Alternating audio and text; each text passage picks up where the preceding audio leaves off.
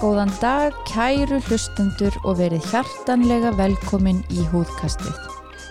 Húðkastið er podcast þáttur húðlagnastöðvarinnar um allt sem við kemur húð, frá húðvandamálum til fegrunar aðgerða og allt þar á milli. Við heitum Ragnar Hlín, Janna Huld og Arna Björk og við erum húðlagnar með brennandi áhuga á húðinni. Góðan daginn og velkomin aftur e, í húðkastið. E, í dag eru við mættar hérna þrjár aftur, Jenna, Ragnar og Arna og við ætlum að ræða um rósröða. E, og eins og við kannski vitum mörg þá er rósröði mjög algengur húðsjúkdómur. Einn af kannski algengari sko, húðsjúkdóman sem við erum að sjá á stofunni, e, er það ekki? Sammála því stelpur? Algjörlega. Þetta er eitthvað sem við sjáum á hverjum einsta degi held ég. Mm -hmm, Einhvern já. sem leitar til okkar með, með rósröða til að mm -hmm. fá meðferð. Fleginir einn á dag, myndi ég segja. Mm -hmm. uh, og rósröði er í grunninn króniskur bólkusjúkdómur í húðinni um, og um, hann er algengar hjá konum ef við bara byrjum á svona grunninum á rósröða og tölum aðeins um hann fyrst. Uh, hann er algengar hjá konum. Uh, er það ekki líka svona það sem að þeir eru að upplifa? Jú, líka er þetta náttúrulega eins og með alla húsjóttuma að konu leita frekar aðstóðar heldur en kallmenn að tíðnutöluna kannski skekkjast aðeins af því en um, þannig að tilfingin jú er að þetta sé aðeins Já. algengara hjá konum. En það sést líka í rannsóknum sem hafa verið gerðar Já. svona stóra rannsóknir að, að bæði algengi og nýgengni er, er miklu meira hjá konum heldur hjá köllum. Já, algjörlega, en svo eru kannski kallarnir sem að fá e, erfiðari tilfellin og, og hérna eru verða verri af rósröða heldur en konur og þá er kannski pælingin líka svo að þeir, einmitt eins og við vorum að tala um á þann að þeir koma setna eða eru kannski ekki að fara eins mikið til lækna á konurnar þannig að þegar þeir koma þá eru þeir kannski orðnir mun verri. Já, þá er sjúkdómurinn búin að vera þróast miklu miklu lengur hugsa ég. Já, og val, valda þá meiri varanlegum skemmtum Akkurat. sem að þessi sjúkdóminn svo sannlega getur gert. Mm -hmm. Algjörlega.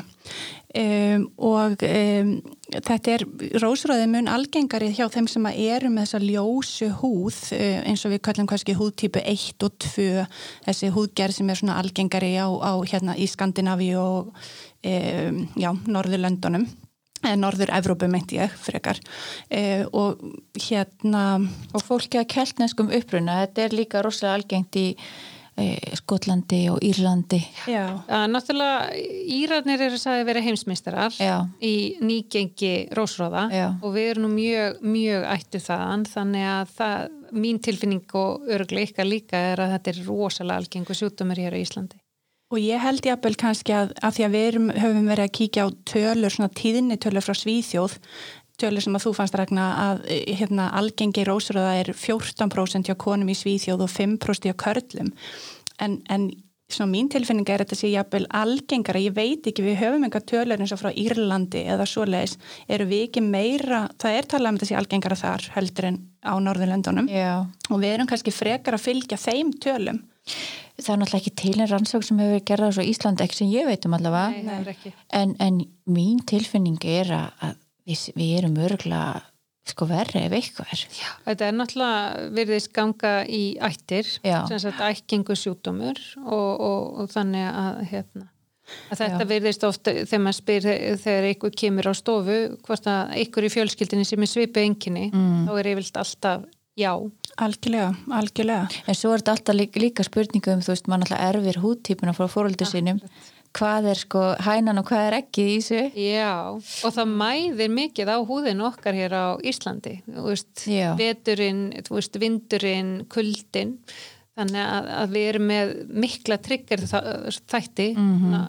Já, já, við erum svona veður barinn alltaf hérna á Íslandi, alltaf út í þessu róki og, og líka náttúrulega miklar, þú veist, heitabreitingar, húsin okkar eru rosalega vel kynnt mm -hmm. og mm. sjáum það þegar maður kannski prófar að búa í húsi út Erlendis, mm -hmm. þau eru kaldari og ekki eins, það er ekki eins miklar heitabreitingar kallt úti, mjög heitt inni Mhm. En svo, svo eru svona einmitt, e, rósröði ekki bara rósröði, þetta eru, þetta eru fjórir í rauninni svolítið ólíki sjúkdómar, Eh, þetta er flokkað í, í fjórar undirtýpur. Og fyrsti, það, fyrsti er náttúrulega frekar algengur, það er þetta það sem að, að við tölum um róðaköst eða flushing, það er æðaslit í andlitinni, mér langar að heyra þið segja nafnið á ennsku er það? Já, telangiektatískur rósröði já, eða erythematotelainjektatisk og ég glemdi fyrsta. Ó, ó, ó, það er bara Já. challenge hérna strax. En hérna hann er náttúrulega eh, svolítið erfiður viðregnar að því leiti að þannig erum við með æðaslit og eh, í rauninni ekki mikla bólgur þannig. Og, og, og það svara uh, livja meðferð uh, kannski ekki neitt sjálflega vel. Nei, þannig erum við meira með leysirinn og við tölum náttúrulega um meðferðina hérna eftir svo erum við með uh, gerð tvö þar sem við erum komið með bólkurnar og þar erum við komið svolítið inn í mengjörna með að demodexin eða þessi húðmítill Mhm. spil inn í já Einmitt. og þá er maður meira að sjá svona bólur mm Já. þó þetta sé ekki alvöru bólur beint ég, ég, ég segi alltaf við mína sjúklinga þú veist þetta er að líta út eins og úlingabólur en er ekki úlingabólur beint? Engi gröftur þú veist. Stundum er smá gröftur já, en en, en engi fílapenslar. Engi það er fílapenslar. svona aðalmunurinn á, á rósóða. Og líka margir sem tala um sko þetta sé ekki beint, þú veist oft sér maður það líka, þetta er ekki beint þessar bólur, þetta eru meiri svona eins og litlar hálgera blöðrur eða svona, já svona róða blöðrur líka. ég segi oft, oft við, við fólki mitt bara svona bólgubólur. Já, Já, ég tala yfir bara um bólkur Já. Bólgur, já. og, og það er í rauninni eh, þarna komum við svolítið inn í að, að uh, mengir þenn er svo flókin. Mhm. mengir þessa sjútdós er svo ótrúlega flókin og það því við vitum ekki orsökina. Við Nei. vitum ekki orsök rósróða nei, og, og, og þannig er við erum með þarna ykkur taugabóð til staðar mm.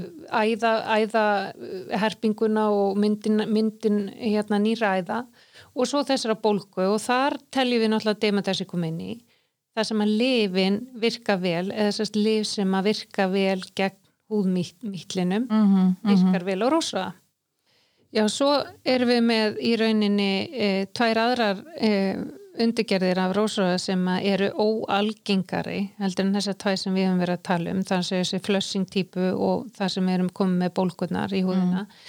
Og þar er uh, rínofíma eða það er í rauninni bara stækkun á, á nefi.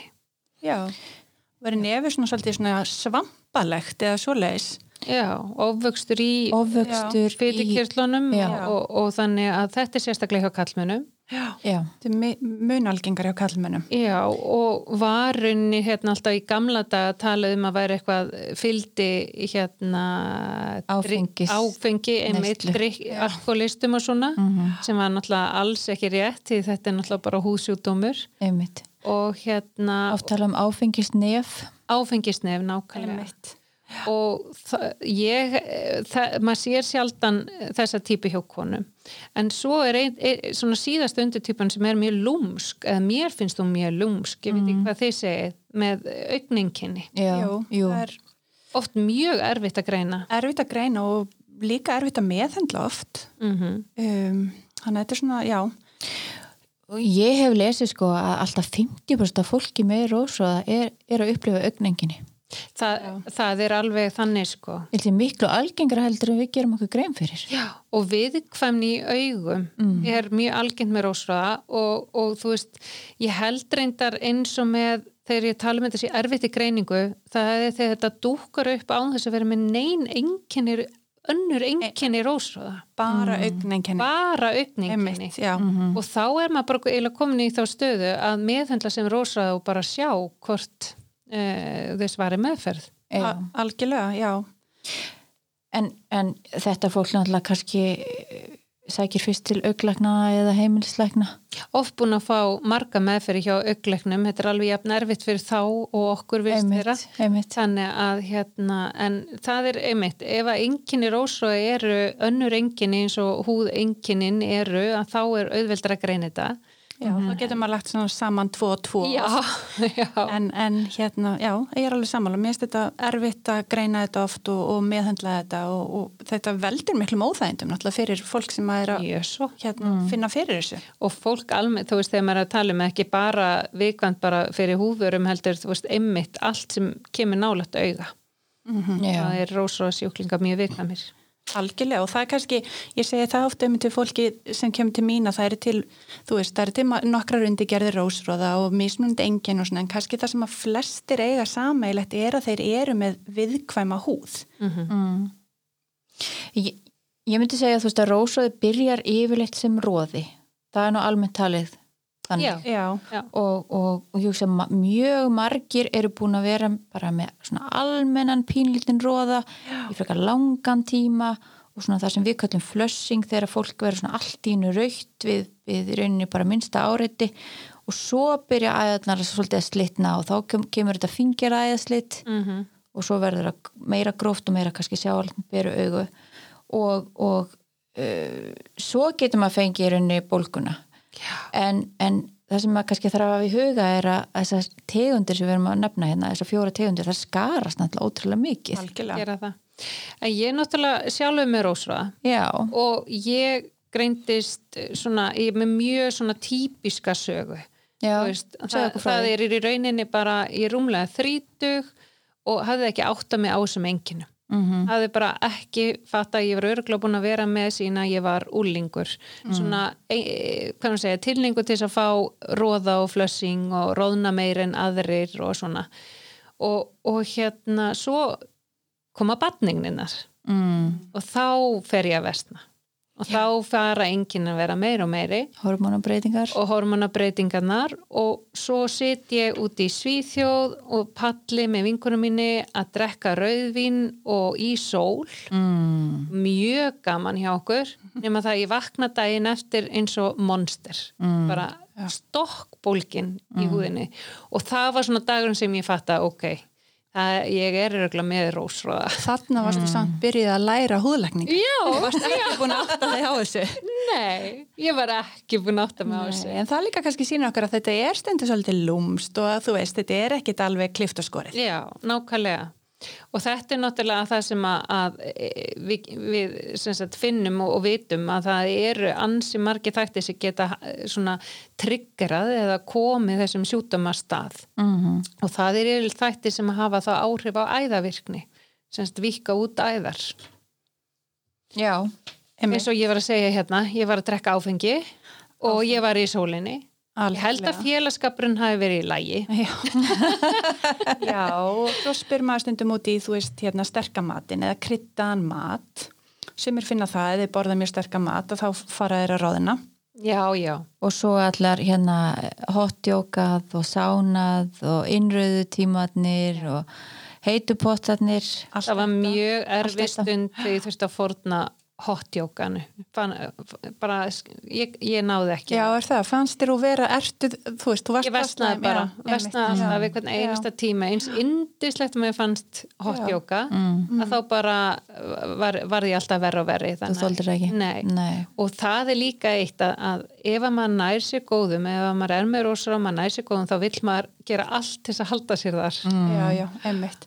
En svo líka náttúrulega kuldi, þú veist, Já. Já, kallt veður, það er ekki sumir bara versna. sólin, það er sumir sem vestni í kulda, fara í skíðaferði eða eitthvað og koma heim verri. Það er alveg típist að spurja, hefur þið fundið fyrir því að þegar þú ert í kulda og kemur svo inn, Mm -hmm. færðu, færðu hita og, og bruna tilfinningu í kynnanar. Það er alveg klassísk. Einmitt, einmitt. Svo mögum við ekki glemma stressinu. Nei, nei, stressi er aldrei. Og svo er mitt þetta eins og þú veist að tala um Arna, viðkvæm húð. Það bara, það viðkvæm húð að öll svona virkni í húðvörum, snirtiförum, það þólist illa. Mm. Já, og svona þetta er oft konur sem er orðna bara hálf desperat stundum. Þú veist búin að kaupa sér húðuvörur fyrir sko eh, fullta pening og, og hérna einhvern veginn ekkert virkar og það er alltaf bara vestna og alltaf alveg ómögulegt. En svo ef við förum að spá í meðferna og við náttúrulega sko flokkum meðferna í rauninni í útvartismeðferð eða krem og svo töflu meðferð og svo erum við með leysera og svo eh, fjöllum við aðeins um annað. Ef við tökum þetta aðeins svona út frá minggerðinni þú veist Já, þá þetta er eins og við vorum að tala um þetta er svo flókin myndgerð að því að allar í rauninni þessa meðferði sem við erum að nota virka á ólíka ferla. Já, ég held að þurfum kannski aðeins að fara betur í mengjarina, Vi, við hoppuðum svolítið bara yfir hana. Svo þetta að hérna við ymbruðum aðeins á Demondex já, ef við ekki að tala aðeins um Demondex jú, Jú, tölum um okkur Demodex. Demodex Ragnar, skal ég ég skal segja hvað Demondex stelpur. Heyri, þetta er svo sagt pínu, pínu lítill mítill mm. sem að e, í rauninni er bara eðlileg húflóra, það er það er hann allir með Demondex já, og, og, og ég sjálf sér alltaf læg með það. En, en hann hefur verið uh, tengdur við rósóða og sérstaklega þessa svona bólgutýpa af rósóða, þess að við kallum oft inflammatoriskur rósóði. Mm og, og þá hefur sérst að, að þessi mítill uh, er í ofmagni já, í, í húðinni og sérstaklega í kirtlunum og onni í hársekkjunum jafnvel í augnhárunum. Mhm. þá tróðaði sér hann niður og lifa sko, eins indislega það hljómar. Og, og, og það náttúrulega veldur bara meiri bólgu í húðinni. Við að ræða það hvað þeir gera á nóttunni? Nei, ég held að fólk kannski getur bara að googla það Surprise. Allt í lagi. Já. og fengi myndir líka. Það eru svolítið myndir skemmtilegar myndir Já. til af þessum Demodex mýtlum Já. mm, Þeir koma sem sagt fram sem sagt uppur húðinni eða úr svitahólunum á nóttinni og, og, og makast uh, æksla sig. indislegt Indis, þetta fjölga sér þannig. mm segið svo að þetta sé ekki spennandi. Þetta er mjög spennandi og lifandi. lifandi en hérna að því við vorum að tala um meðferðir þá er henni bara, það er eitt krem sem virkar vel á Demodex. Já, tvö. já, tvö, Það er bæði metronýtasól eða rósasól reyndar, já. og svo ívimektín eða eh, sólandra. já, já. Um, ég hef séð að, að um, maður getur flokka þessa meðferð, það er sem sagt í reyninni þrjú aðalkrem Mm sem virka best á rósóða Já, og það er rósasólið eða hérna metronýtasólið og aselixíra já, sem er skínurinn og fína segja. og fína segja Mm -hmm. og svo hérna súlandra eða ívermektin og rannsókninar segja að ívermektinni sé eiginlega áhrifaríkast Já, af þessu þrennu já, sko. það er nýjast, Já. eh, nýjasta meðferðin og, og áhrifaríkust, já. um, en það sem kom mér á óvart þegar ég var að- að kíkja á þetta um daginn að, að aselixíran er áhrifaríkara heldur en rósasólið Já? Já. nei, ég vissi það ekki. Samkvæmt allavega þessu rannsókn sem, sem ég var að skoða Maður hefur haft tilfinningu fyrir því að því ég byrja oft með rósasólið og svo fer ég svona step up. Já, en ég held við gleymum svolítið aselixírunni Já, ég er, það er nú kannski ástæða bara hefur líka verið svolítið erfitt að fá það á Íslandi undanfarið. Það er rétt. En Það er rétt. Já, en ég sem sagt hef að því að asilexíran, ég er svona svolítið hugsa þetta svoleiðis að ég reyna að koma öllum á asilexíru í grunninn. Já, Að því að asilexíran, þú þarft ekki að hætta að nota hana. Þú veist, þú getur bara haldið ánfram að nota hana. það er gott að nota hann sem viðhalsmef Já, sem viðhalsmeðferð Mhm. og svo að eiga annarkvart rósasölið eða svo landra svona í flare-ups og jafnveg sem viðhalsmeðferð einsinn tvisar í viku til þess að minka í rauninni magn demodex. mm En, en það er ekki gott að halda til dæmis mjög lengi áfram með kvorki rósasólinni þess að landra sko. Nei, þeir vilja nú samt meina að uh, svo landra sé orðin meiri langtíma áhrif, nei á meðferð heldur en að því að fyrst voru þegar þetta var að koma markan þá voru að kynna þetta sem 16 vikna meðferð en nú vilja þeir meina að það sé fínt bara að nota þetta ef þetta virkar. mm Ég veit það ekki. Það er svo smörglega ekki rannsóknir en ég læt fólk alltaf nota þetta í sex mánu Já, til já, að byrja með. Já, Sama. sex mánuði ég hef verið í því sko, mér finnst eiginlega þess að 16 vikur full stuttar sko. Já, mér það líka. En sex mánuðir og þá gætna skipta yfir í rósasól og svo skipta. Þú veist, að vera aðeins með fjölbreytina en þetta er bara, nú er engin rannsn á baku þetta sem við erum að segja. Þetta er bara svona e, Vangaveltur. tilfinning. Já, Já og, veist, og þetta er líka allt mjög einstaklingsbundi hvað hendar hverjum og einum, hvaða krem virkar best og svona þannig að þetta er oft svona að maður kannski finnur ekki alveg rétt að kremið eittur í fyrstu, fyrstu tilraun. Aselexíran er nefnilega mjög spennandi og, og, og sko hún hefur náttúrulega, þú veist þetta var náttúrulega bara svona tilvílun að maður sá að þetta virkaði í rósfráða því mm. þetta var bara í rannsóknum á bólum eða Akkurat, akni já. sem þetta kemur fram og, og hérna og þetta virka nú á fytukirtlana í húðinni og svolítið bakteridreipandi og svolítið merkjald að þetta virki kannski í rósfráða líka En þetta, þetta, er, þetta er sko hérna bólgumingandil Já, Þetta er anti- anti-inflammatorist. Já, og svo hefur þetta verið mjög mikið talað um þetta svona á miðlun núna fyrst ykkur það ekki, ég minna ordinari er komið með 10% asilixíru Mhm. og það er svona komið meir og meir. Þetta er komið svolítið í tísku aftur nefnilega. Það Að er það. að þetta er mjög gamalt lif Þetta er það. Þetta er eitt af fyrstu lifjum sem komur svona gegn bólum og, Mhm. og svona bólgusjútum í húð. Já, þannig að hérna og líka þetta eh, sem sagt, eh, ég hugsa að þau eru að gera svona svipa og ég að ef að það er mjög algengt fyrst mér hérna á Íslandi að vera með bæði bólur og rósraða Mjög algjörlega, mér finnst það að vera langa algengast Já. sem að sé svona blöndu af þessu hvoru tveggja og það getur verið trikki að meðhendla og þá hef ég svona tilhengu að nota skinnarennið. mm. Já, Gerir þið það líka eða? Ég bæði og ég er svolítið hrifin af, af Solandra uh, mér finnst það virka ágætlega en já, skinnorinn líka En þá náttúrulega er maður kannski líka farin svolítið yfir í síklarlifin töflu með Það virka, virka Algjörlega. sko. Já, algjörlega. þú veist þá Ef, þá er þetta kannski orðið meiri enginni já, En það er með síklarlefin. Þar notum við eh, svona bólgu eyðandi síklarlef. Þetta er náttúrulega ekki í rauninni, þetta er svolítið miskilningu. Fólk heldur ofta að það hefði grenst með síkingu í húðinni. mm. Kemur oft með, með þannig skýringu að því að það fæði síklarlef. Mm En þá er í rauninni þessi flokku livja sem við erum að nota, þeir eru náttúrulega mjög bólgu eyðandi. -hmm. algjörlega Þetta er ekki pensilín. Og þessuna þarf fólk líka svona langan hérna, langa meðferðalótu að því að þessi, þessi bólgueigandi eiginleikar livjana, þeir taka miklu lengur tíma. Mm einmitt, á meðan að tekur yfir bara tíu daga að drepa einhverju bakterjus einmitt. Og þú segir langa meðferðalótu Hva, hvað er það fyrir þá sem að hafa ekki farið á, á síklarlefin Sko ég myndi segja að væri hérna e, fjórar til tólf vikur. Já, einmitt ég, Það er svona, Algjörlega. ég er svona eh, hallast að 2-3 mánuðum sko. já, ég er Já. oftast einmitt í þessu sama 6-12 vikur 12 vikur oftast bara mm, af, já, Já, að því að það í rauninni hafa nú alveg verið rannsnesi sína að því, þú veist, ef maður tekur langa meðferð þá er maður með minni áhættu á að, að vestna, en þess að þá lengi maður hérna, tímabili sem maður er góður. einmitt mm -hmm. en bara svona til að einfalda þetta eins að því að hérna, veist, meðferðin á rósröða gengur að miklu leiti út að það að minga þessar bólgur í húðinni Já. að eins og við Lyfjameðferðin. rósröði já, og, og kremin eða, já, eða svona Já, lifi, bara Já, le- með já, fyrir lyfi- já, bæði já, krem og já, já. töflur.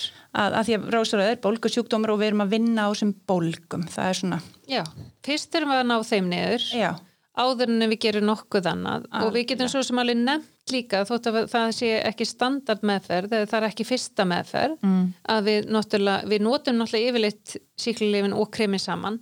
Mhm. reynum að koma að einhverju húðrútínu sem er svona eh, sem passar. Já, og, en í þessum erverði tilvikum að þá erum við notum við dekotan. Já.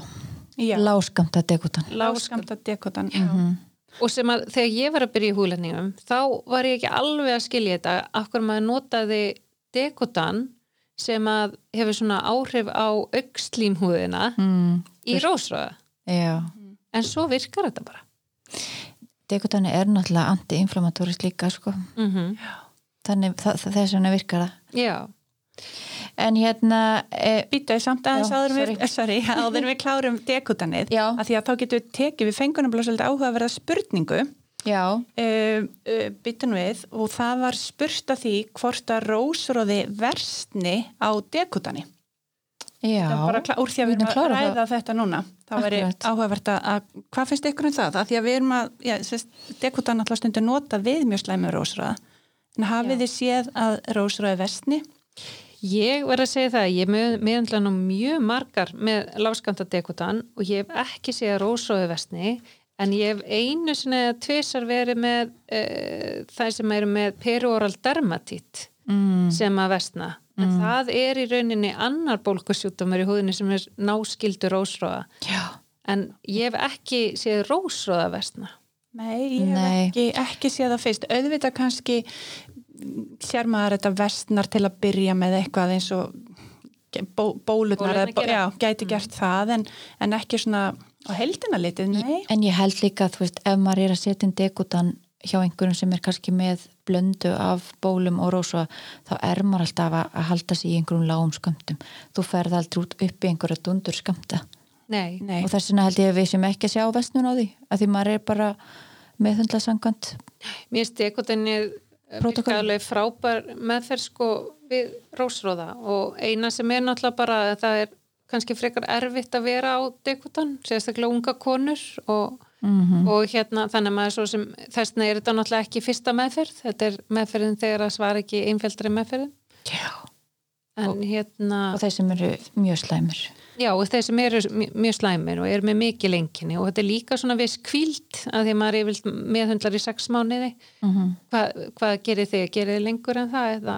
Stundum er ég að gera þetta í lengri tíma bara á lágum skömmtum, þú veist, jafnvel 10 milligram á dag og þá í enn lengri tíma, Já. þá erum við að tala um 10 mánuði, 12 mánuði, þú veist, Akkurat. ár jafnvel, sko. Ég sammála. Ég, ég var alveg verið að gera það líka. Marga konur er rosalega ánæður með það, þær eru sko nánast hérna, ekki með einar aukaverkani, þú veist, ekki með leðilega þurrk eða, eða það, Mhm. en fá mikinn, þessi góða áhrif á sinn sjúkdóm. Mhm. Og það er líka eh, sko alltaf að koma fleiri og fleiri e, bara reynsla og rannsóknir sem að sína að láskanta dekotan jafnvel minna en 10 mg að dag, kannski bara tvisar í viku, 20 mg að það sé bara góð viðhalsmeðferð Mhm. við dekotaninu og í rauninni þá er oft hægt að nota e, leysirmeðferðina samferða af því að það er e, ekki það háskamtur á dekotaninu. Já, það er ekki Já. svona mikil hætta á bruna eins og Nei, þegar og- maður er á háum skömmtum. Akkurat. Akkurat. Og það, það er kannski ef við komum í mína uppáhalsmeðferð við Rósraða, það er leysirinn. Ég, ég er hérna sjálf búin að gangi all, gegnum allar þessar meðferðir, byrja með fína segja, fór í með síklarlifin og dekutan og allt saman og hérna og eina sem að svona virkilega kýli niður einkennin, herðir húðina, gerir maður ekki eins viðkvæman, maður er ekki að fá svona mikið e, þessi, þessi flushing eða, eða sem sagt vestnun á sjúkdónum að það er æðalysirinn. Mm. En maður náttúrulega getur ekki sett hann beint að staði eða er bólka til staði, maður náttúrulega ná því niður. Já, maður þarf alltaf að ná bólkunni niður fyrst. Og ef við ræðum kannski bara hvaða leysir við notum, æðaleysir er, er, er í rauninni, við erum með blóðreyða í, í húðinni, í æðunum sem að, að leysirinn, leysirinn sem að, að hérna æðaleysirinn eh, leitar uppi og, og hérna og skadar, þannig í rauninni skemmir litlar æðar þá í húðinni, Já, þannig að skreppa saman. skreppa saman og hverfa Mm -hmm. án þess að nokkuð róverði á náttúrulega ytra byrði húðarinnar. Einmitt, maður Sem- fara engin sár. Engi sár og þá uh, engin ör. Mm og til þess notu við uh, sérst við á húlæknastöðun er með tværgerir æðaleysurum eins og er. Er nú á leiðin að fara að kaupa Þriðja. þriðja. Og hann voða spenntar að býtur honum. Það er svona state of the art en hann er ekki komin en það sem við notum er EPL leysir sem er nú svona eh, alveg eh, mjög góður vinnuhestur. Og góður leysir að því hann náttúrulega tekur svolítið litabreitingar líka en sáum að hann er ekki alveg að virka á þessar stæstu æðar sem komast stundum við nefið Nei. og svona ef það voru grófaræðar Einmitt. Þannig að þessna bætti við við öðrum leysin sem heitir 585 leysir eða sumi kallan brauðristina og hann svona tekur þá meira á þessum uh, stærri æðum. Það er náttúrulega alvöru leysir Mm en, en EPL er náttúrulega ekki alvöru leysir. Leyser í raun. Nei. En við, Hann er í rauninni IPL er, er, er uh, hvað, Intense Pulse Pulse. Light Light. Therapy og þá ertu með ljós og svo setur í rauninni uh, síur á ljósið og reynir að fókusera ljósið eins vel og ger. Mm og það er IPL-leysir er bara eins og þú veist getur verið jafn misjafnir og bara að kaupa bíl. Og getur farið, í, farið og, og keftir ódýran skóta og svo alveg upp í dýrstu típuna af einhverjum bens þannig að það er mjög mikill gæðamunir á IPL-leysir Algjörlega, ég meina það að vera að selja IPL leysera bara á Amazon eitthvað, fólk getur kæft þetta heim til sín einhver svona pínleiti tæki. Já, og heima, heima meðferði Háreðingu og já, Algjörlega. akkurat, Jú, jú, akkurat. Allt til sko. Þetta virkir nú ekki vola vel. Nei, hugsa sér ekki alveg sambarilegt Virka Nei, kannski örgla eitthvað en, en uh, náttúrulega, já. Já, en hvernig með leyserinn um, þú veist mar, mar, hérna meðferðirnar og svona hvernig, þú veist, hvernig leggja þetta upp? Hvað segið við konur? Hvað þurfa er margar meðferðir? Já, þetta er náttúrulega virkilega góð spurning og, og, og maður náttúrulega vildi að maður gæti alltaf svara þessu en yfirleitt myndi ég segja að það þyrst, sko, þrjár meðferðir duga flestum. Það eru flesti sem sjá það góða nárangur Algjörlega, já, ég segi svona þrjár til fjórar. Já, um, og hérna, emitt já, Ég, seg, ég segi alltaf, við skulum byrja með þrjár meðferðir, sjá bara hvernig gengur mhm, og ef, ef þarf að bæta við þá gerum við það. Já. Þessi vestu tilfelli þá erum við alveg að horfa upp í 8-10 meðferðir. Já, og hérna og þá eh, við náttúrulega blöndum þessum tveimur leysurum saman. Við notum þetta oft í, í, í, í sömu uh, meðferð. Akkurat. Þannig að til þess að, að hérna, bæta árangum meðferðinnar og svo í rauninni eins og ég tala fyrir mig sjálfa að þá fer ég í viðhalsmeðferð tvisar ári. Mm. og þá í- eitt skipti. Eitt skipti, já. Einu svona vorin og einu svona Já, hausti en það sýnir líka hvað þá leysir eða hvað þetta er áhrifarík meðferð að þú nærða að, að hérna, bara halda þér við með því að fara eitt skipti tvisvara ári og ná að halda þér góðri eða svona sem, þú veist. Já, ég meina ég næ alveg að halda niðri þessu flushing sem er sko, þú veist þetta er náttúrulega uh, kannski minna, mörgum finnst þetta að vera pjatt og þú veist þetta sé nú bara útlitslegt og eitthvað svoleiðis Mm. en þetta er virkilega óþægilegt að fá þess að bruna sviða tilfinningu og svona í húðina. En það sem líka maður þarf að átta sig á að leysirinn er ekki bara til þess að meðhöndla æðarnar og einkennin, þú getur haft áhrif á sjúkdómsframvinduna með leysirnum. Það er það er nákvæmlega það sem þú ert að segja. Já, Þú getur haldið þessu niðri.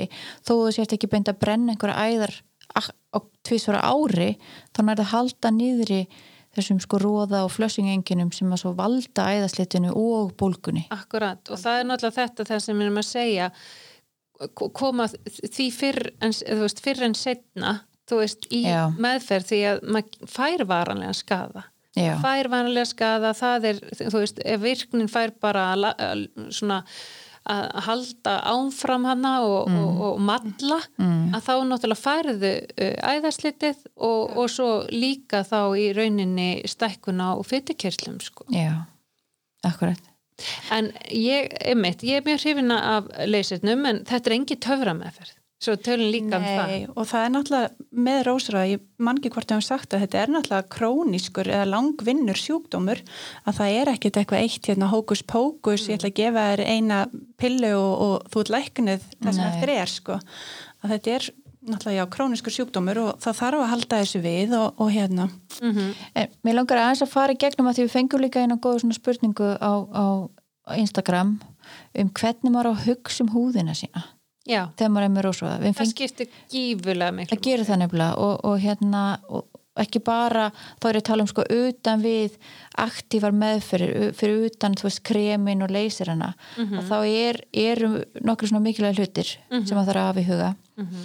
og um, maður ásæð sagt að uh, forðast allt sem ertir húðina uh, forðast skrúb forðast að nota einhverja grófa þvottaboka uh, og bara reynsa húðina mjög valega um, svo mæli ég með að, að hérna, nota fingurnar til þess að reynsa nota milda reynsa ekki vera veist, einhver svona skrúpu hérna æ, þið veitir svona hvað heitir Já, já. og sem eru að nota eða, eða þvottaboka til þess að þvopurtu make-upið eða, eða hérna óhreinandi um daginn heldur freka bara fingurnar skóla svo af og svo bara svona dempa með dampa á Já. Akkurat. Já. raunin er bara að líta á húðina sem postilín þú veist Já, þú, bara, þú verður bara að koma það fra, fram við húðina þér eins og postilín Já. þetta er bara viðkvæmt og þú ætlar ekki að ofgera því einmitt, einmitt Akkurat. og svo hérna uh, er líka mjög gott ráð að þegar maður er að byrja meðhundlun með hérna rósóra kremum sem eru aktífa meðferðir að þeir eru búin að þrýfa húðina að býða þá láta hann þotna því að, að uh, ef þú berð krem, segjum að þessi súlandra eða rósasólið á blauta húð, þá svíður það miklu meira mm -hmm. Algjörlega. þannig að Já. býða með það þanga til að húðin orðin þurr bera svo á sig e, virkumæðfyrirna og svo gott rakakrem á eftir og sólavörn við erum ekki búin að tala nóg um sólavörn stelpur Nei, Nei. nú skulum við aldrei, nei, Nei. Það sem, ég, ætla, ég ætla aðeins að spyrja hérna, Já. þú sagðir hérna, gott rakakrem. já, Hvað er gott rakakrem fyrir rósóða? Sko flest, eh, mjög margir með rósóða eru kannski með meira feita húð heldur en sko þurra. Þannig að eiginlega öllum tilfellum þá ráleikja fólki að, að, að nota rakakrem sem er fyrir oiliskin eða, eða þú veist það er náttúrulega fullt af merkjum sem selja rósóða vörur eða fyrir akneikskinn Mm -hmm. og sérst, helst ólíulaust Ég held einmitt, þú veist, það er einmitt það sko að nota það sem er byggt á vatni, Mhm. helst, það er að gel eða serum já, og, og þá rakakrem sem eru létt í sér eða non-comatogenic, við Já. tölum nú eitthvað um það í, hérna, í byrjunni andliskremum, en, já, en þá ert í rauninni og, og að því að þegar maður er með rósa og Mm. þegar öruglega heyrst þetta margótt þá komið að ég er með svo þurra húð ég veit Já. það ég veit það, þótt hún sé alveg bara feit hérna í miðjunni, þá eru kannski kinnana rosalega þurrar. Akkurat. og þá í rauninni ráleiki ég ofta að nota með þennan tvöfaldaraka mm, að nota bæði serum og, og hérna og rakakrem. Já, kannski hílónsýru og svo rakakrem. Já, hílónsýru serum og þau eru nú orðið til í flest öllum vörulínum í dag Mhm. alveg frá, þú veist, júsirinn er með hílón, ég held hún kalli, kalli sérum með hílón filler eitthvað svo leið og svo alveg upp í fýtni vörumerki, Mhm. þannig að það ætti að vera auðvelt í dag að finna Mhm. serum sem hendar og svo er rauninni bara þetta rakakrem sem, að, sem er svona non-comatogenic og þá ertu komið með bara góðan rakar Akkurat. En ég held að þessi þurkutilfinning sem, sem er hvert yfir, hún kemur svolítið í kjölfara á bólgunni. Húðin er bara bólgin og þá finnur er bara. Aum, Aum og eins og svo bara... þegar bólgan er að hverfa þá þotnar þetta svolítið upp og þá farið kannski ykkur flögnun. algjörlega Akkurat. En hérna, um, hvað segið þið um, um svona virkar húðvörur fyrir fólk með rósvaða? já, já, Spurning sem við fáum mjög Það oft. er náttúrulega rosa erfitt og þetta er einstaklingsbundi en ég segi ég er mjög einföld manneskja. Þannig að ég segi oftast að reyna að hafa húðrútínuna einfalda Mm og ekki að vera að flækja málinn með alls konar vörum og prófa hitt og þetta því að þá eru frekar líkur að, að húðin bara vestni flestar konur tala um konur að þetta er algengar að þær eru frekar að koma til okkar allan til að fá húðuráð eh, eru kannski ekki að þóla mikið af þessum virku vörum og virku vörurnar sem að vera mest að nota og vinna með þetta eru kannski retinólin eða ávastasýrurnar og svona, það eru kannski flestar af þeim sem að þóla það ekki. Svo er alltaf einu einn sem þólar það en svona á heildina leiti þá er það kannski ekki. Allavega ef maður ætlar að prófa þetta, gá hvort maður þóla því að það er alveg rétt í að sumar þóla retinólin og, og AHA-sýrnar að þú veist gera það ekki í flare-up eða þú veist ekki í vestnun Nei, alls Nei, ekki. alls þú veist gera það þegar þú ert búin að ná stöðugum eh, rósrónum og, og, og búin að halda hann góðum í einhver tíma. Og þá getur maður kannski aðeins prófa sig ánfram í þessu og bara fara miklu, miklu hægar heldur en aðrir. Mm Já, Kannski frekar að, að, að það er þóli ávastasýrurnar eldur en retinóli. Ég myndi að, einmitt, maður Já. hefur tilfinningu fyrir því að, að þetta þóli frekar áast að sinna kannski 10-15% ekki mikið hærri Nei, en ég náttúrulega uh, með, með, var ég búin að segja hvað ég er með rósröða Nei. Nei, segðu okkur það. hérna, já að hérna að ég náttúrulega er hundfúli við því að get ekki nota þessar flottu vörur sem að eru virkilega anti-aging, mm. retinólin og AHA sírna og svona mm. að, en ég hef svona fundið allavega eitthvað sem að, að ég þóli og margar uh, margar með rósa að þóla og það eru andóksunöfni einmitt. Og, en það skiptir náttúrulega máli hvaðan sé vitaminnið er því að frá sumum fyrirtækjum er það ertandi. Já. og, og, og að, að þeir þóla ekki. En eins og þessi sé ferrulíktrópar frá skinnsötu er bara, þá. ég þóli þá. Já. og á- sem nætukrem það er náttúrulega kröftugt já. þannig að mér allan að líðu betur að, að ég sé að nota einhverja virkni. En að því að ég er ekki með rósröða öfugt í jennu e, hvað með nýja sína mín hefur þú prófað það?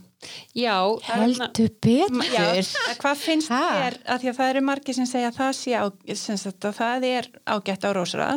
Ég hef ekki, þú veist, ég þekki ekki sjálf Þetta er nefnilega svolítið svona, hvað maður segja, nýja síni uh, umræðin er svolítið svona spennandi og heit núna. Þetta er svolítið, þetta er svolítið sætasta stelpan á, á ballinu. Hún er, hún, er, hún er alltaf að koma og, og, og, og vaksa og við vorum að ræða hérna í síðasta það Síðasta þættu Þi. rættu við svolítið. að Ragnar var búin að kaupa frá Paula's Choice Mm.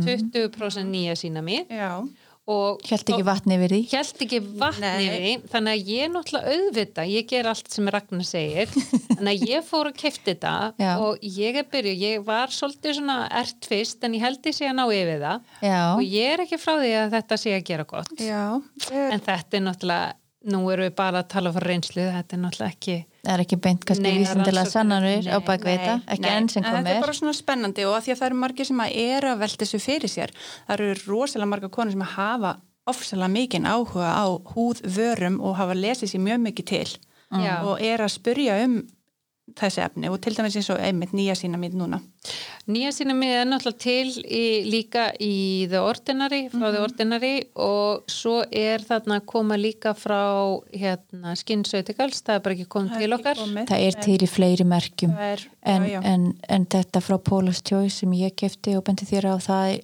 það er svona með sterkasta móti. Já, 20% er Flest eru kannski kringum tíu. Já, það er, 20% er, er há, uh, hár styrkur. En hérna, eh, eitt krem sem við vorum ekki búin að ræða, Stelbur. ok, hvað er það? Já, Hvað erum við að gleyma?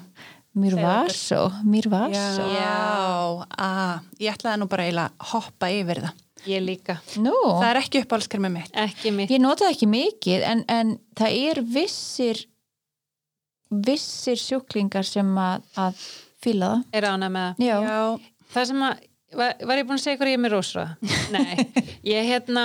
Varstu búin að prófa það? Ég auðvitað. Auðvitað. Ég prófa, prófa þetta allt, þú veist, þetta kom náttúrulega í Svíþjóð, þarna þegar Já, ég var úti í algjörlega það var þetta nýtt já. og kom, kom og lofaði mér virkilega góðu. Þannig ég prófaði þetta og, og bara þetta á mig á mótnana og, og hérna var nokkuð sátt ána því að það, ef við tölnum um virkni þess að dregu saman æðarnar þannig að minkar þennan flössing. Þannig að það ætti að virka þá í þessari fyrstu típu á rósraða. já, en það virkar bara tímabundið Já, og svo kom ég heim um kvöldmandaleitið já. og bara búm, bara kröftugt rýband sko. algjörlega En, en, en fólk á að nota þetta við viss tilefni. já, ég veit Já, já, það það var veist. ekki markasett þannig í byrjun og kom ekki þannig. Að þetta er í rauninni bara ég veit það. engina meðferð en hefur ekki áhrif á sjúkdómsframgangin. en þetta kom sko, þetta kom fyrst þá Mm. var náttúrulega þetta sett þannig að þú ætti bara að nota þetta daglega. Mm. ekkit við eitthvað viss tilefni. Þetta er náttúrulega meira svona komið setna meir þegar svona En svo hef ég upplifað það mitt eh, hjá, út í Svíþó, ég held ég hafi bara ekki skrifað þetta út síðan ég kom til Íslands.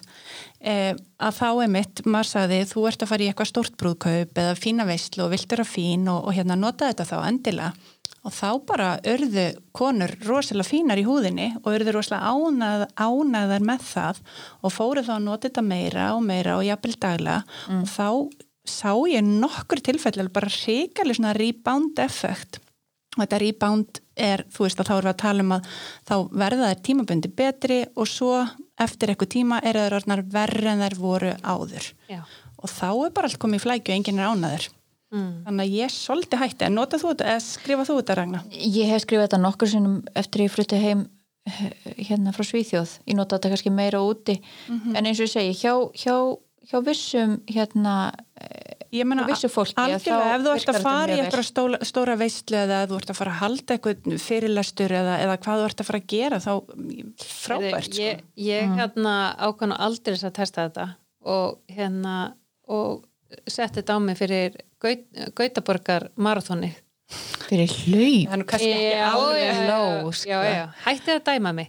Og hérna fínt að herpa saman æðan ég leit, fyrir leit, leit bara mjög vel út í hlaupinu. Ég var eiginlega ekkert rauð í framann en, en hérna, já, þetta var nú meira bara svona í djóki sko. Já, ok, varstu fín á myndunum sem voru teknað þegar þú komst í mark? le, leit stórklæsli en svo kannski ekki tveim tímur setna, þá varstu Bara- ekki rosa fín. Þá fór ég bara heim. Já, En það er líka eitt annað lif sem við höfum ekki rætt sem er spennandi og nýja rannsóknir sem sína virki mjög vel gegn rósróða, sérstaklega þeim sem hafi ekki svarað öðrum meðferðum mm. og þar erum við að tala um okkar kæra Botox. Já. Já, Nú ertu loksins komin í eitthvað spennandi Nei, Akkurat. heyrði, við vorum ekki búin að tala um Við erum það. ekki búin að ræða það. En þar komum við aftur inn í þess að flóknu meinmynd, meingerð af þessum sjúkdómi. Af hverju ætti Botox að virka? Nákvæmlega. og þar eru bara ymsa gegáttur í gangi og þá er þetta, þetta komið þá meira inn á þetta hennan e, neurogen eða sem sagt inn á þessi taug og Tauga- bóð boð, já.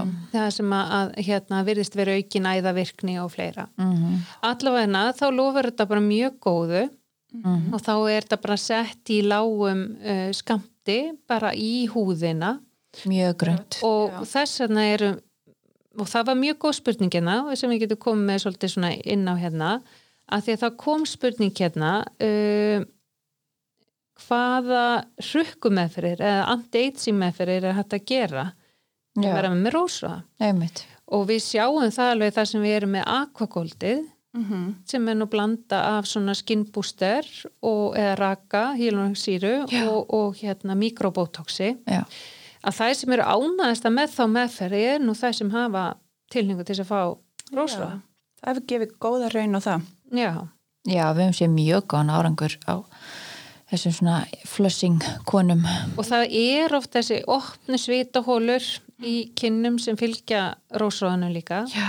og, og hérna og, og náttúrulega auðvitað bótósið virkar mjög vel á það líka. Já, mitt þetta er tvent. Þessi Aquagold með fyrir mjög spennandi og við kannski eigum náttúrulega eftir að ræða hann aðeins betur í einhverjum sí- síðari þáttum Já, en þetta er náttúrulega að því sögðu, þetta er ekki eh, orðið þannig meðferð að þetta sé niðugreita af Nei. sjúkratryggingum en nei, svoleiðist þetta er nýtt og, og, og hérna og, og, en lofa góðu. algjörlega Einmitt. Hérna, En Ragnar, þú Já. komst aðeins inn á áðan sólarvörn já. Við þurfum nú að tala um það uppáhaldsefni þitt Mm. Sólaverðin er náttúrulega mjög mikilvægir og svo. Mm.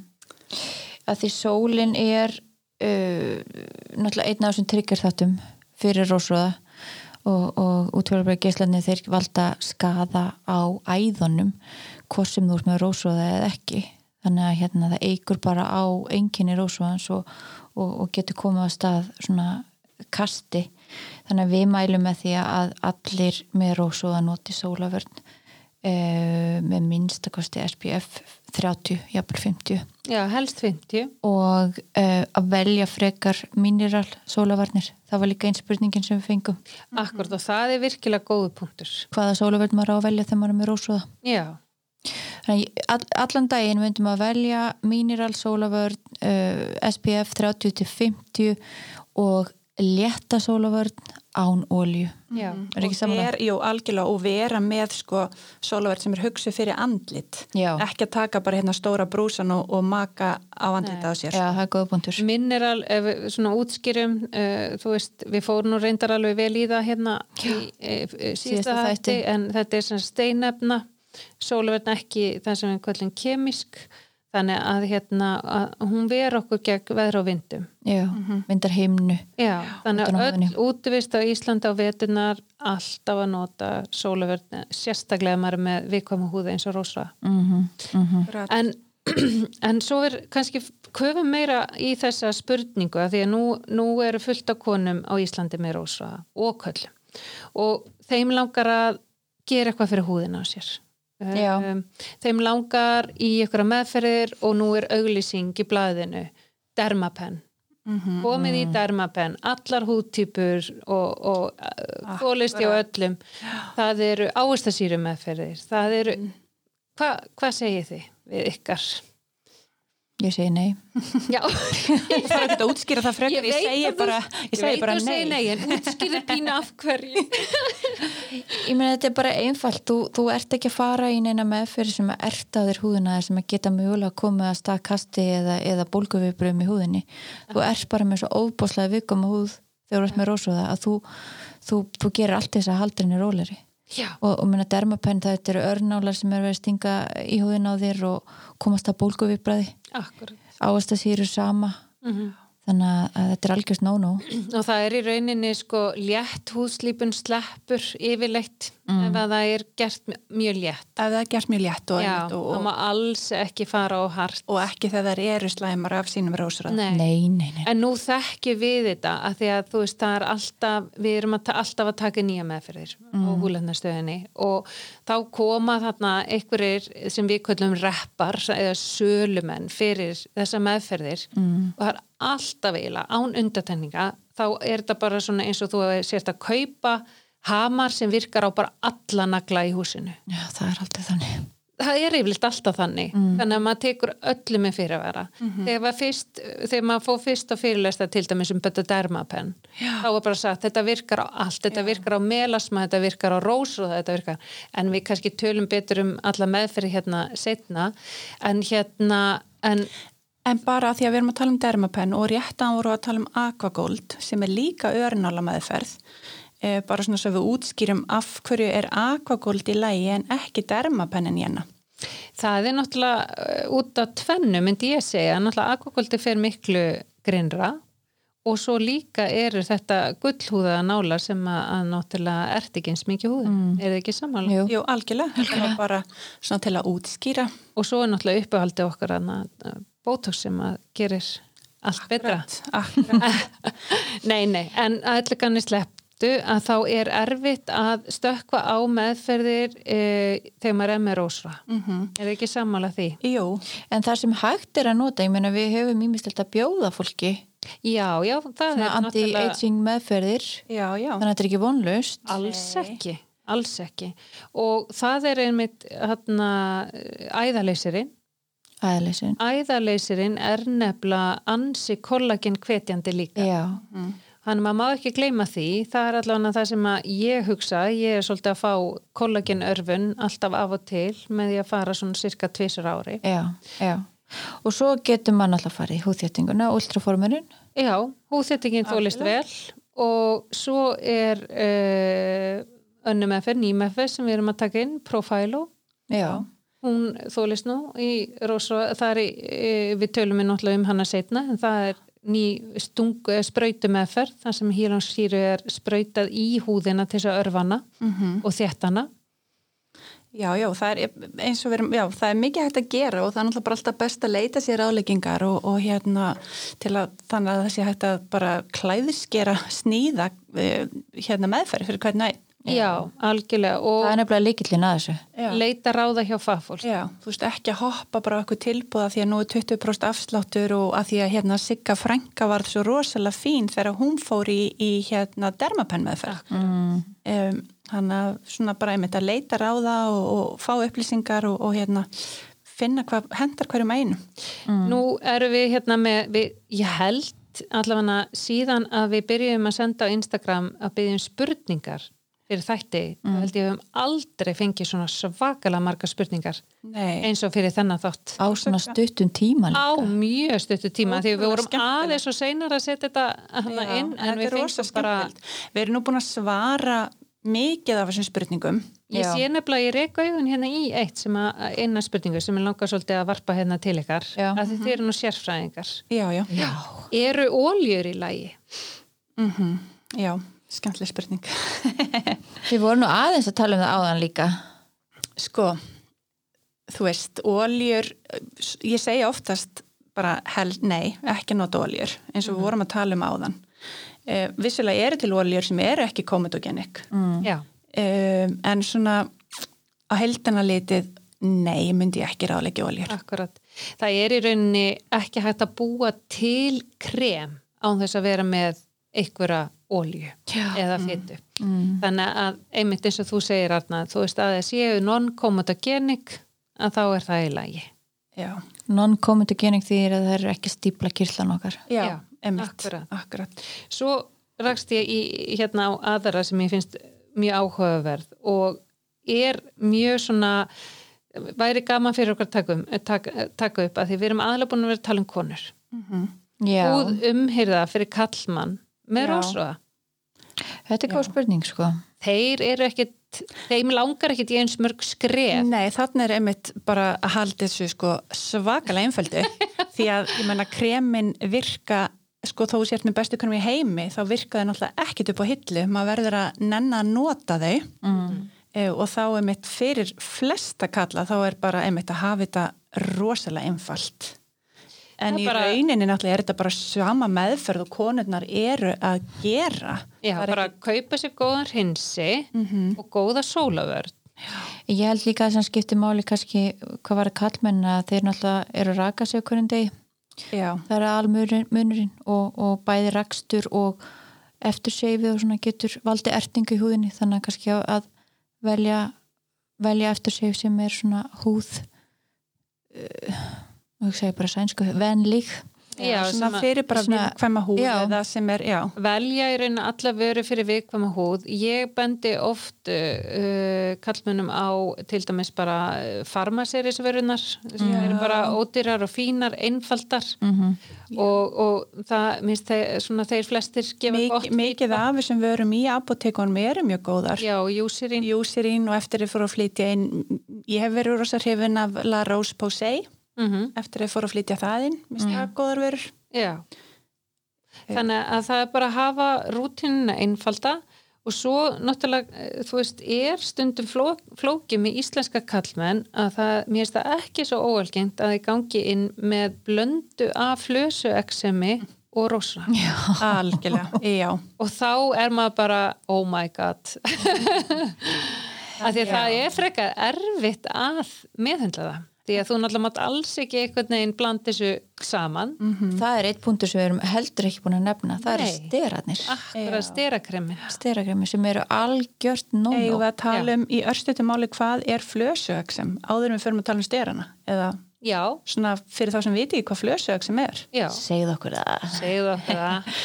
Já, það er flösuöksem er eksem gerð um, mér finnst þetta nú vera þetta bæði konur og kalla geta fengið þetta en þetta er algengar hjá köllunum mm. og það er kannski svona klassist að það er e, þurkur og róði augabrúnum eða við augabrýr e, í hársverði og svo svona í kringum nefið og oft í skeggrótinni líka. Þú veist að þetta er svona á þessum stöðum sem að húðin er kannski aðeins feitari. Mm -hmm.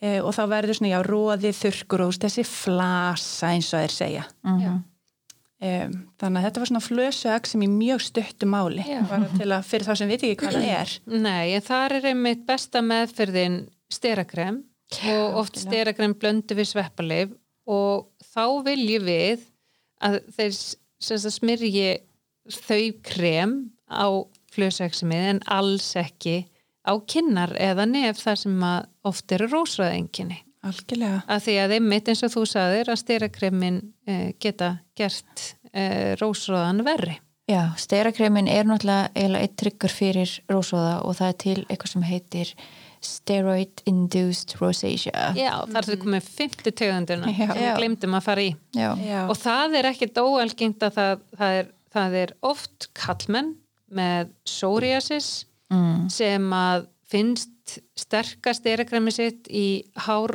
hárið og, og líka maður virka svo ótrúlega vel að þeir bara byrja að smyrja í andlit líka. Algjörlega. Og þá enda er náttúrulega í því að búa til nýjan húsjúttum eða rósróða með tíð og tíma einmitt. Þannig að það er þetta eins og þú kalla steroid induced rosacea. Það sjáum við alltaf til. Það er reymin hjá þau sko. Já, Rósröð er svona einn af kannski fáum húðsjúkdómum af því að við húðlagnar elskum nú þessi sterakrem í, í hérna en rósröð er einn af fáum húðsjúkdómum sem að kannski ekki að nota sterakrem Og pera bara alls ekki og Og pyruvalddermatitt já, líka. já, en svona það er, já En, en það sem að getur hins vegar nota þegar þetta, þessi skemmtilega blanda á sér stað sem á engan veginn saman meðfyrirlega séð. Nei, einmitt. það getur maður náttúrulega nota svolítið protopic já, Já, elítil. já, í andlit. Maður nota það. En hérna spurningarnar. Já. um, erum við búin að erum við búin að fara yfir uh, já, mér fannst líka svolítið áhugavert hérna spurning og við fengum nokkrar um það að því að við tölmyndir algengari hjá konur, konur kannski komnar hérna um og kringum þrítugt en geta börn eða unglingar fengið rósröða já. Já, já, þetta er, við erum alveg með nokkur börn undir átjónara aldrei í meðförum hjá okkur og meiri þess að í leysir meðförðum já, og þau eru oft með slæman sjútum á Já. úlingsaldri, sko. Já. Algjörlega. Og, Og þá, já, fyrir ekki nei, bara gjössanlega rækni mín, bara þú átt orðið. Nei, ég ætla að segja bara, þetta er kannski svolítið svona slæmt fórspór svolítið, getur verið svolítið slæmar horfur þegar þetta Já. greinist svona ungt sko. Já, þannig að það, það er mikilvægt að byrja meðferð snemma til þess að ná þessu niður já, og líka bara fræðast. Að fræðast nefna um sjúkdóminn, hvað er, hvað má gera, hvað ekki og, og svona læra, en, læra þekkjan. við erum með grunninn í lægi, húrútinuna í lægi.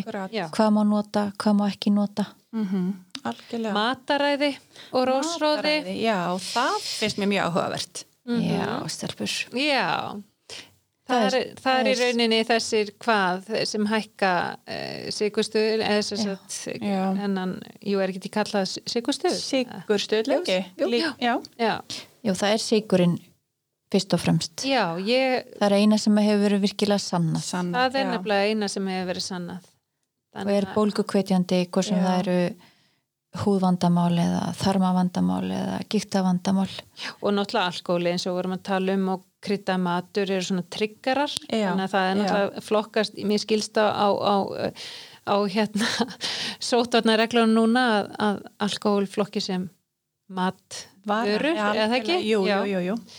en, en, en maður þarf líka samt að hafa í huga að, að þetta er svo einstaksbundi þannig að fólk þarf bara að leggjast svolítið í rannsóknarvinnu Akkúrat. og til þess að finna út hvaða þættir eiga við hvern og einn Algjörlega. það er ekkit endilega vist að þú vestni við því að borða hérna indiska Nei. matinn Nei. þú veist og þú getur alveg drukkið heitt te og kaffi og, og kakó og hans að finna nokkuð fyrir því Algjörlega. þannig að maður þarf bara að finna svolítið út úr þessu sjálfur Og sumir kannski finna ekki einu sinni, þú veist, sinn trigger. Um, það er ekkit allir sem að hafa það þannig. sem er ekki eins og með neitt tryggar Nei,